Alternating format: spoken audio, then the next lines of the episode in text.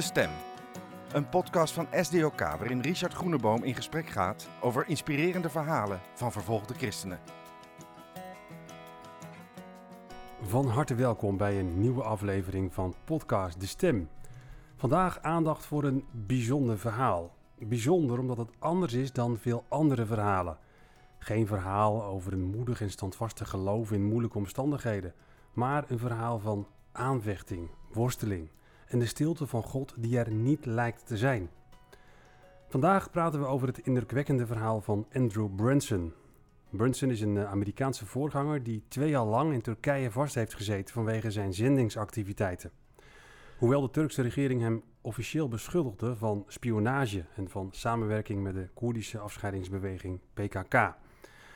Brunson schreef een indrukwekkend boek over zijn gevangeniservaringen. Het is alleen in het Engels verkrijgbaar onder de titel God's Hostage, gegijzelde van God. Nou, in deze podcast gaan we ook luisteren naar uh, fragmenten uit een uh, gesprek met uh, Brunson zelf. En ik praat door over het verhaal van Brunson met collega Arco van Doleweert. Hey. Hey Arco, leuk dat je hier weer bent. En um, ja, dat boek heb jij ook zelf gelezen, hè? dat boek Ja, van, van Brunson. het heeft op mij heel veel indruk gemaakt. had jij diezelfde ervaring? Ja, ik had echt diezelfde ervaring. Dan weet je, Richard, heel veel verhalen van ex-gevangenen. Uh, mensen, christenen die in de gevangenis hebben gezeten vanwege hun geloof. Dat zijn verhalen waarin het natuurlijk heel moeilijk is, maar waarin ook wel veel licht schijnt. Licht van Gods aanwezigheid. waarin lessen zitten voor, voor het volhouden in geloof. Um, en dit is totaal anders. Ja, dat gaan, we, dat gaan we horen. Hè. Voordat we daar ja. diep opnieuw op ingaan. Eventjes voor de mensen die denken... Andrew Brunson, misschien wel eens iets over gehoord. Kun je iets meer over hem vertellen? Ja, ik kan wel iets over hem vertellen. Um, hij heeft... Uh, het is een Amerikaanse voorganger, zoals je al, al zei. En hij heeft 23 jaar lang in Turkije gewerkt als evangelist. Heeft ook een, een, gemeente gediend. Lange tijd als voorganger.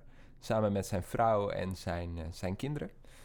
Um, en ze, ze, hebben echt hard voor, voor Turkije. Dus uh, nou, ze werken er 23 jaar lang.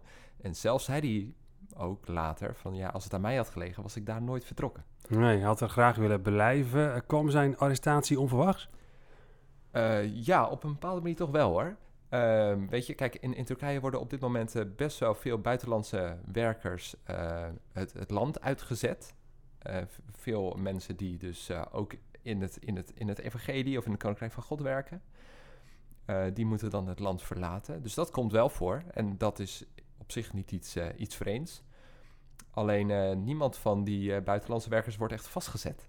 Nee. En Brinson heeft twee jaar in de gevangenis gezeten. Ja, een hele heftige periode. Nou, daar gaan we ook naar luisteren. Ook naar fragmenten in het bijzonder waarin hij daar zelf over vertelt. Hij komt in de cel, wordt overvallen door, door eenzaamheid. Um, hij heeft zelf veel getuigenissen gelezen van, uh, van vervolgde christenen, ook van uh, Richard Woerenbrand, uh, de grondlegger van ons werk.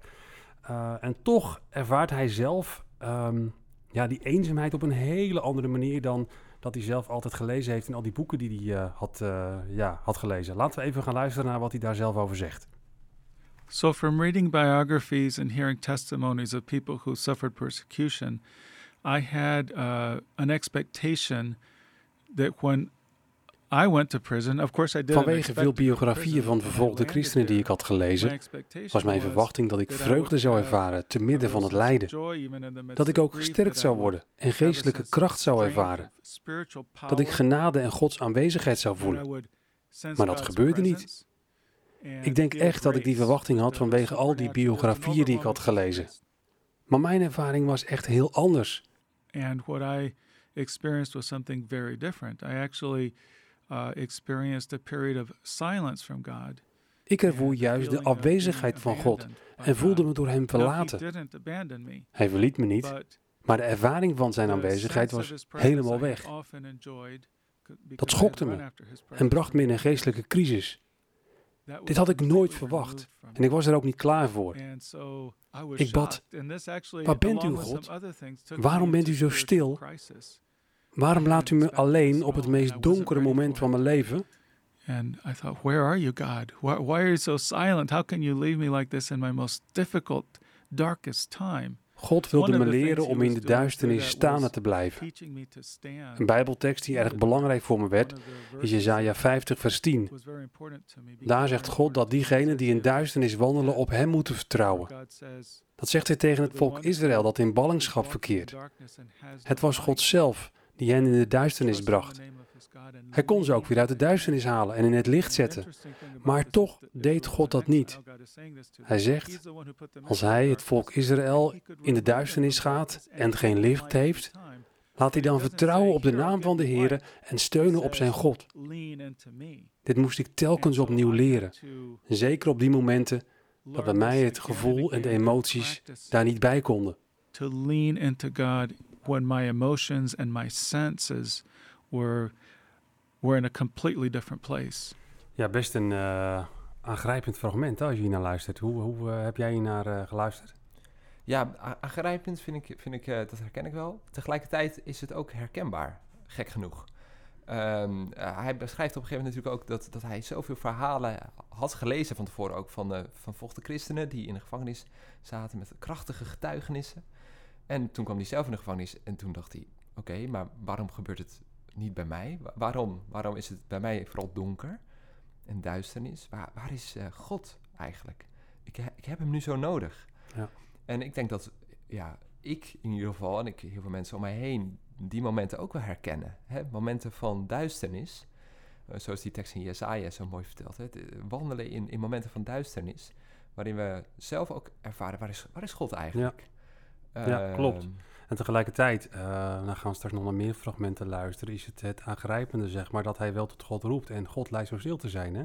En dat hij zegt, ja, ik heb heel veel van die biografieën gelezen van Ja. bijvoorbeeld de christenen, Ja. waar ze ja. allemaal lijken God te ervaren, maar, maar ik Ja. heb dat niet. Nee, nee, exact. Dus, dus voor hem is het ook echt een, een stukje, was echt een stukje, echt een stukje lijden. Eh, eenzaamheid.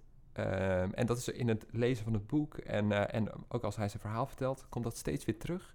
Echt een worsteling. Ja, en later blijkt ook natuurlijk, maar daar gaan we het straks nog uitgebreid over hebben, dat God dan ook daar weer een bedoeling mee heeft en dat hij later ook God wel weer op een andere manier gaat ervaren, maar dat is een hele moeilijke weg. Ehm eventjes toch nog terug naar, naar, naar Brunson, hè. die zat er helemaal alleen. Eh voor mijn beeld had, had hij wel contact met andere mensen, kreeg hij bezoek. Ja, hij heeft eh, in de gevangenis op, hij heeft in verschillende gevangenissen gezeten. En ook in verschillende cellen. Soms met eh, meerdere mensen, meerdere moslims ook. Eh, soms zat hij alleen. En eh, hij kreeg aan het begin heel weinig bezoek. En dat werd later wat vaker. Dan kon hij zijn vrouw regelmatig zien. Hij heeft ook zijn kinderen, die, die wonen nu, of die woonden in de tijd van zijn gevangenschap in Amerika. Maar die zijn ook een keer overgekomen om hem te ontmoeten. En juist die bezoeken, dat waren voor hem echt ademmomenten. Ehm, en momenten van, eh, van, van ontspanning, van, van ja, de tranen die dan echt eh, stroomden, zeg maar. En eh, tijdens elk bezoek vroeg hij ook aan zijn vrouw, wordt er voor mij gebeden?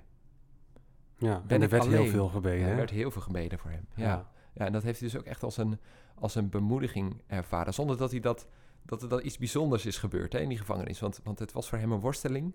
Maar, maar, maar het feit dat mensen voor hem baden, dat bemoedigde hem. Hij zegt, Ja. oké, dan, is, ja, dan is God er ook. ook. Ook als ik hem niet zie en niet ervaar en niet voel. is weer een stimulans om in ieder geval ook, eh, ook te bidden. Hè? Natuurlijk voor christenen die nog steeds ge- ja. gevangen zitten. Maar zijn vrouw is ook wel een hele belangrijke persoon geweest hè? in die periode van zwangerschap. Klopt, eh, klopt. Viel me ook op toen ik het boek las. Ja, ja en dat moet je zo zien. Hij zat er echt doorheen. En, en dat niet zomaar doorheen, maar, maar echt doorheen. Zoals je er doorheen kunt zitten. Hij, hij had niet de moed om door te gaan. Eh, en zijn vrouw was degene die hem dan bezocht en, en, en, en opbouwde. En, en aanmoedigde. En zegt, Brinson, Andrew, Andrew, ja. alsjeblieft, hou vol. eh, ga door. Ehm, eh, ook met het woord van God, van hij zorgt voor je. En dat was ook, dat heeft zij ook echt als een strijd ervaren. Zij vond het ook heel lastig om elke keer weer naar haar man toe te gaan die er doorheen zat. En hem, en hem aan te sporen en hem aan te moedigen. Ja. Ja, want hij zat er echt helemaal doorheen. Hè? Eh, was de wanhoop nabij. Dat blijkt ook wel uit eh, een van de fragmenten waarvan ik voorstel dat we daar nu eerst naar gaan luisteren. So I had been very broken for a number of reasons, and uh, was also suicidal. Just was a Ik was om verschillende redenen echt gebroken. en ik was ook suïcidaal. Ik was bezorgd en had gevoelens van wanhoop. En dat is een gevaarlijke combinatie. Ik had zoveel vragen en twijfels. Maar er kwam een omslagpunt toen ik een beslissing nam. Ik realiseerde me dat ik weinig kon doen als het ging om het vechten voor mijn vrijheid. Tot dat moment had niets gewerkt. Maar wat ik wel kon doen was vechten voor mijn geloof. En dat was echt nodig, want ik dreigde uit te glijden. My, my heart had grown uh, cold. I was very offended. Mijn hart was koud geworden en opstandig tegenover God. Mijn relatie met God dreigde te verstikken. oh, Opeens ging er bij mij een lam branden en ik besefte, ik moet echt vechten voor mijn relatie met God. Ik moet vechten voor mijn vriendschap en intimiteit met God. Want als ik dat kwijt ben, dan ben ik alles kwijt. Het was een beslissing van de wil. In mijn hele gevangenschap heb ik Gods genade niet ervaren. Ik ervoer ook geen vreugde of Gods aanwezigheid. I didn't feel joy. I didn't feel God's presence. I couldn't do this through my emotions. And I often said to God, don't look at my emotions. Ik zei vaak tegen God, kijk niet naar mijn emoties. Kijk naar wat ik zeg. Luister naar mijn beleidenis. Als ik beleed, ik wil achter u aankomen en ik wil volhouden, dan was dat puur een wilsbeslissing. From that, I began to take a number of steps. Ik nam een aantal wilsbeslissingen. Dat deed ik uit gehoorzaamheid en discipline. Het was echt een rationele beslissing om God te blijven volgen. Maar deze keuze was wel echt een omslagpunt. Ik zei het ook tegen God. Wat u ook doet of niet doet, ik zal u volgen.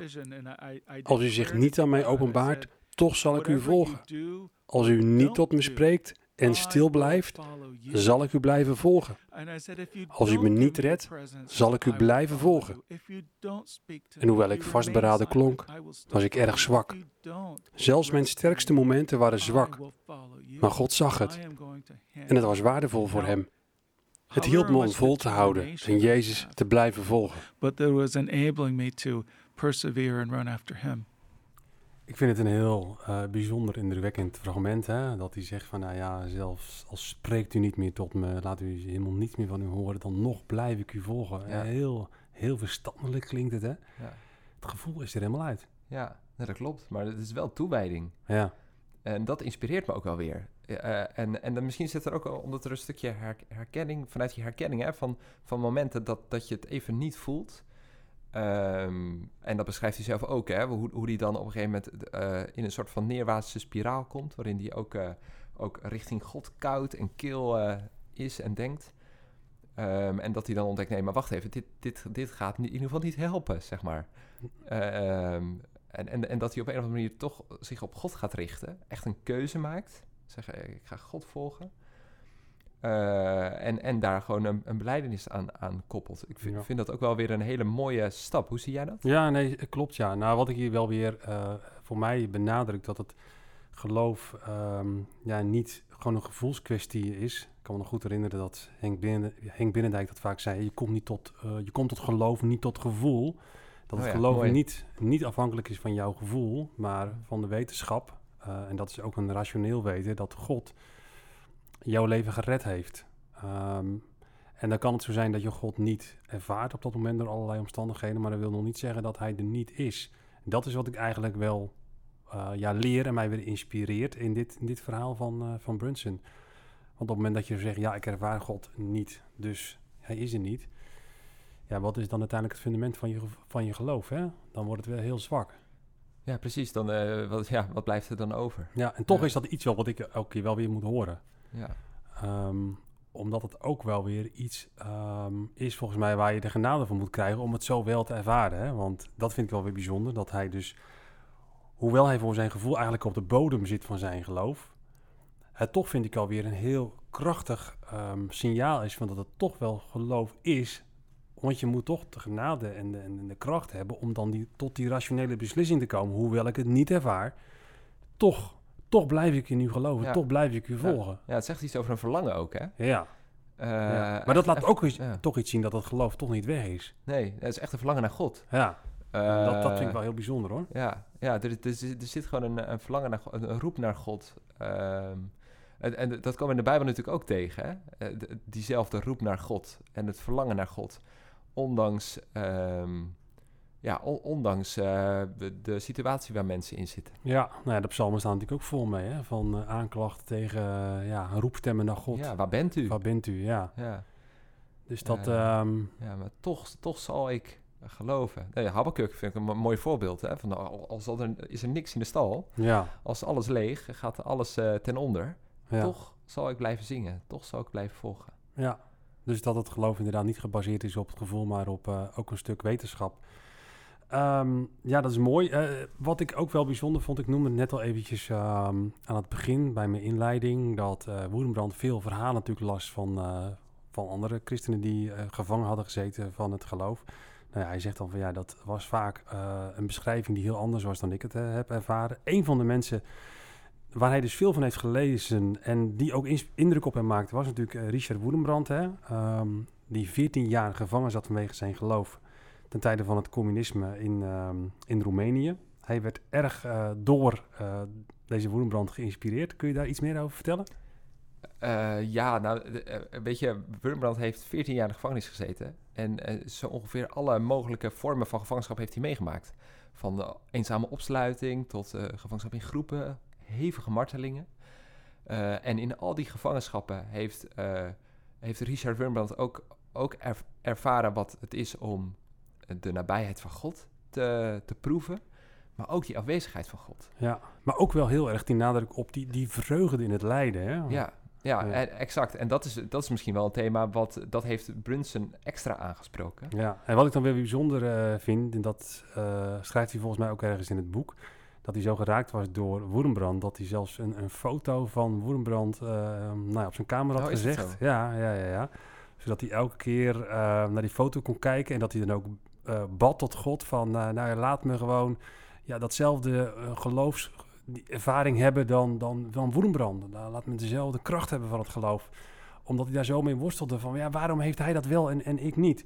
Ehm, en op een gegeven moment heeft hij toen ook een keuze gemaakt om inderdaad ook echt in die voetstappen van Woedenbrand te treden. Heel En, praktisch, eh, hè? Heel praktisch. Om gewoon ja, eh, te doen wat hij eh, ook voorleefde. Nou, laten we even gaan luisteren ehm, naar een fragment waarin hij eh, vertelt dat hij echt letterlijk in de voetsporen probeerde te treden van ehm, Richard Woedenbrand als het gaat over het omgaan met lijden in gevangenschap. And Richard Rembrandt talked about how he was in isolation uh, cell and he remembered verses from Luke. Richard Woedenbrand schrijft "Blessed- ook over zijn periode van eenzame opsluiting. Hij dacht toen aan een gedeelte uit het Lucas-evangelie. En daar zegt Jezus, zalig bent u als mensen u haten en wanneer zij u uitstoten en u smaden en uw naam als slecht verwerpen omwille van de Zoon des Mensen. Verblijd u op die dag en spring op van vreugde, want zie, uw loon is groot in de hemel. Zo gingen ze ook om met de profeten voor jullie. Woerenbrand zag deze woorden als een bevel, een opdracht van God. Hij zei, Ik ga me verblijden in God in de cel. Hij begon in zijn cel rond te springen en te dansen, inspireerde en overtuigde me. And I was really inspired by this, but also convicted because I thought during my time in prison, I've had no sense of joy. In mijn hele gevangenisperiode ben ik niet blij geweest. Maar het is de opdracht van Jezus om je te verblijden. Ik besloot om hetzelfde als Woerenbrand te doen, vanuit discipline. Ik deed het niet omdat ik er iets bij voelde, maar alleen om de woorden van Jezus te gehoorzamen. Iedere dag begon ik daarom elke dag vijf minuten met God te loven. Ik begon dan met het beleiden van mijn schuld, dat ik niet blij was en zei, u heeft me de opdracht gegeven om in u te verheugen. Vergeeft u me alstublieft dat ik dat niet kan. Ik ga u nu mijn vreugde laten zien.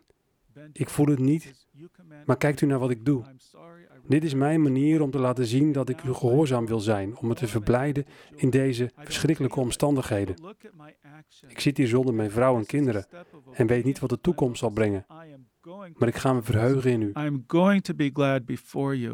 And then I would begin to dance. I would leap. I would I would dance before God every day as a discipline.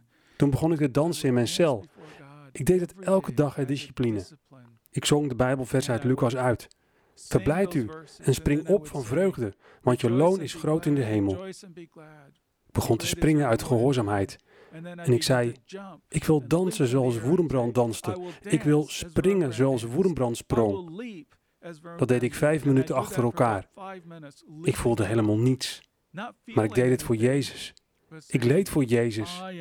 En ik zal ervoor beloond worden. I'm doing this for Jesus. I'm suffering for Jesus. It will bring reward. Ja, ook best wel een heel uh, aangrijpend fragment. Hè? Um, ik, zie het wel, ik zie het voor me. Ja, ik zie het ook wel voor me. Tegelijkertijd, um, als ik daar gewoon naar luister, dan denk ik ook van... joh, uh, overschreeuw je jezelf niet, hè? Dat dat gevoel is misschien een heel menselijk gevoel. Herken je dat? Uh, ja, dat herken ik absoluut. Um, en wel met, met die gedachte nog erbij van... is dat dan, is dat dan uh, wel goed of fout, zeg maar? We, we hebben natuurlijk heel erg de neiging...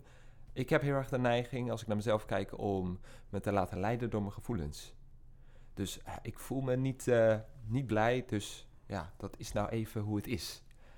Terwijl hij natuurlijk heel terecht zegt... ja, vreugde is ook een opdracht. Hè? Ja. Verblijdt u te alle tijd, ja. Paulus. Um, en het is ook een strijd uh, waar, we, waar we iets mee moeten. En dat is, dat is de worsteling die ik bij hem proef. En die worsteling ontdek ik en zie ik steeds ook in mijn eigen leven. Dat, dat het gaat om vreugde in Jezus. Uh, en dat dat wat kost. En dat dat soms ook vraagt dat je keuzes maakt. Ja. Heb je dat zelf ook wel ervaren op momenten in je leven? Nou, in die zin, um, nou, ik, ik, kan, ik kan wel een moment, ik moet denken aan één moment. Ik heb zelf uh, jaren geleden een burn-out gehad. Dat was best een heftige periode. Als je het hebt over duisternis, ik zie best wel wat parallellen daarin. En uh, nou, in, in die tijd kon ik slecht slapen. Dus dan uh, ging ik s'nachts een rondje wandelen. Uh, het was heerlijk rustig trouwens, als je s'nachts uh, gaat wandelen. Ik weet niet of jij dat al vast, doet. Ja. Maar, maar, maar niet, het, niet zo vaak, nee. Alles, alles en iedereen slaapt. En ik kan me nog één, één moment herinneren dat ik, dat ik ook wel in diezelfde duisternis zat. En, en, en niet, ja, me echt afvroeg, god, waar bent u nou eigenlijk? Het regende ook nog eens, dus het was echt een soort zo'n zo'n droefgeestige, droefgeestige nacht. En iets in mij besloot, ik ga gewoon zingen. Ik ga gewoon zingen. Ik, ik voel niks, um, maar ik ga gewoon God loven en prijzen. En, uh, en, en, dat, en sinds dat moment ja, is dat wel iets wat ik, wat ik vasthoud. En de ene keer wat actiever naar voren haal dan de andere keer. Maar, maar ja. oké, ook als ik het niet voel, misschien is dat juist de reden om liederen te gaan zien. Ja, nee, nee terecht. Dat ken ik ook wel hoor. Ook op bepaalde momenten waarin je echt, echt een geestelijke strijd in je leven ervaren. En die momenten heb ik echt ook al uh, gehad. Uh, dat op het moment dat je dan echt gaat zingen, uh, dat dat rust en vrede geeft. Uh, dat heb ik zelf wel heel sterk ervaren. Alleen het punt is wel dat Brunson zegt dat hij dat helemaal niet nee. ervoer. Nee. En dat, ik denk dat dat met name dat wel het confronterende is voor mij dan. Um, dat hij dat niet ervaart en toch doorgaat. Kijk, want op het moment dat je wel, en dat heb ik vaak wel, en dat is als je zingt, dan, dan dat je je hart op, opheft tot God, waardoor dat een bepaalde ja, vrede in je hart brengt. Maar bij hem is dat niet het geval. Nee, en dat, dat tekent ook de, de, ergens dat hij doorgaat, tekent ook de, de wanhoop, maar ook wel de, het verlangen naar hem. Hè? Dat hij ergens ook zegt: Nee, maar God, ik wil u dienen, ik wil u volgen. Ja, de volharding daarin. De volharding. Het, het, u bent de enige die, die hoop kan geven, die, die troost kan geven. Dus ik, ik blijf gewoon naar u toe gaan. Ja, dus als je gehoorzaam bent, wil dat nog niet zeggen dat de vragen en de worstelingen verdwenen zijn. Hè? Dat, dat blijkt dus wel uit het verhaal van Andrew. Uh, hij kiest voor een manier om daarmee uh, mee om te gaan. Uh, en dat is een manier die hij geleerd heeft van de Amerikaan Dan Bowman, die uh, jaren geleden uh, enige tijd in Iran gevangen heeft gezeten. laten we luisteren naar wat Brunson daarover zegt. And I read about Dan Bowman, who had a, a disappointment. He, he was offended at God and didn't understand. And it, Ik las het boek van Dan Bowman. Hij was ook opstandig tegenover God. Hij schrijft dat hij op een gegeven moment al zijn vragen en worstelingen in een soort doos had opgesloten. Een box die hij in zijn hoofd inbeelde en dus niet echt was. Ik dacht, ik moet hetzelfde doen. Mijn doos zag er anders uit dan die van Dan. Ik zag een high-tech kluis voor me met een digitaal slot erop en een hendel. Ik deed de kluis open en stopte al mijn vragen, worstelingen en twijfels in die kluis. And I then turned the handle and I put my hand, that digital handprint, and it's locked. Ik deed de kluis op slot en ik zei, u en ik kunnen deze kluis openen en niemand anders. U kan de kluis op elk moment openen als u dat wilt, als u mij antwoorden wilt geven. Maar ik neem de beslissing deze kluis niet te openen. Ik heb geen antwoorden nodig om een relatie met u te hebben. Dat was een keerpunt. Ik had nog steeds vragen en twijfels, maar ik wilde me er niet langer mee bezighouden. Ik zei, als ze in mijn gedachten komen, dan ban ik ze uit. Telkens als er een slechte gedachte of twijfels bovenkwamen, dan zei ik, nee, je blijft in de kluis. Dat veranderde wel dingen. Ik was nog steeds in dezelfde omstandigheden. Maar dit besluit opende mijn hart om opnieuw dingen van God te ontvangen. De vragen waren er nog wel, maar dit maakte mijn hart weer zachter en gevoeliger voor God. So my questions weren't all answered. They still aren't. But I can tell you that my heart is tender toward God. Ja, Arco, kun je eens uh, reageren op uh, dit voorbeeld wat hij gebruikt van die uh, ingebeelde doos? Ja, sowieso een heel mooi beeld, hè? Ja. Een, een, doos, een, een, kluis eigenlijk, waarin je gedachten en, en vragen, twijfels opsluit. Heel actief. Ehm, en, en op die manier ook dus, dus ik, overgave. Dat woord komt ook bij hmm. mij heel erg naar, naar boven. Het gaat heel erg om overgave. Om en, het, en ook weer om een wilsbeslissing, hè? Ja, en dan echt een duidelijke keus. Ja, en je niet te laten leiden door, door je gevoel. Want. En dat is natuurlijk continu de strijd in dit, uh, dit verhaal. Hè, van je voelt het niet, maar toch ja. neem je een bepaalde ja.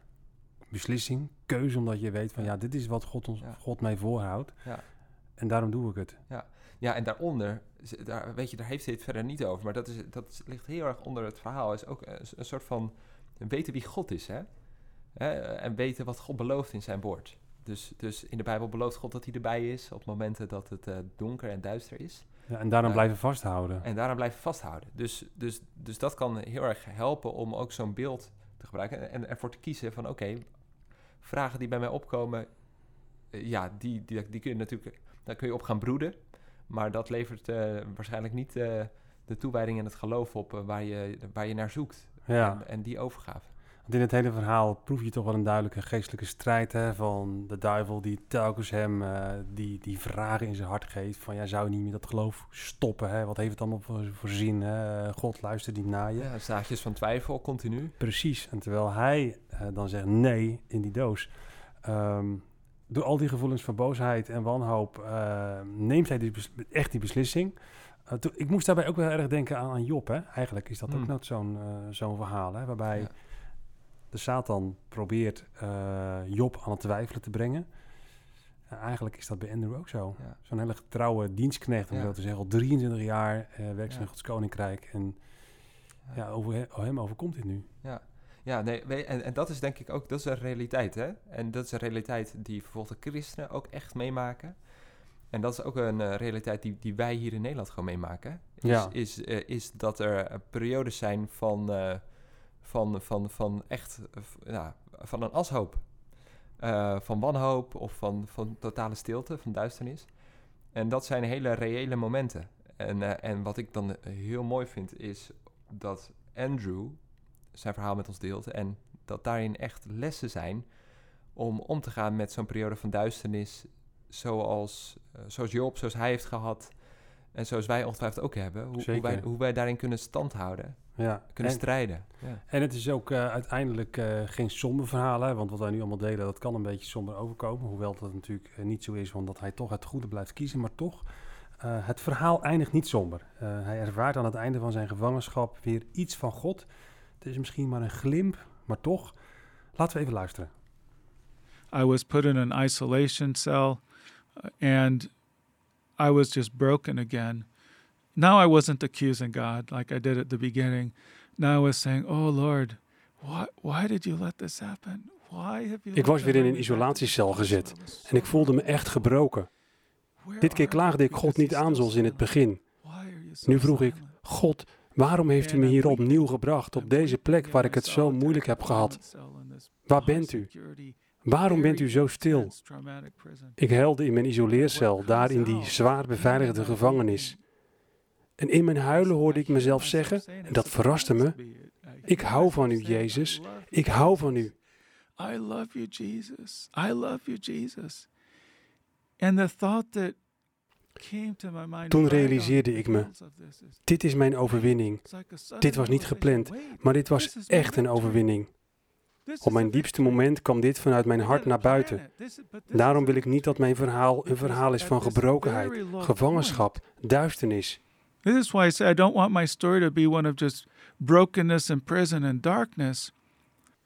God wist dat ik hier doorheen zou komen, maar ik niet.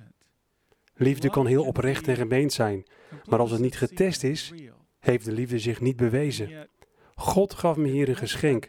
God zei: Je geloof is getest. Je bent door het vuur heen gekomen. Said Andrew, your love has been tested. It's been through the fire. And it's, it's true and Voor mijn gevangenschap was mijn liefde voor God ook oprecht en gemeend. Maar nu is het door het vuur heen gegaan.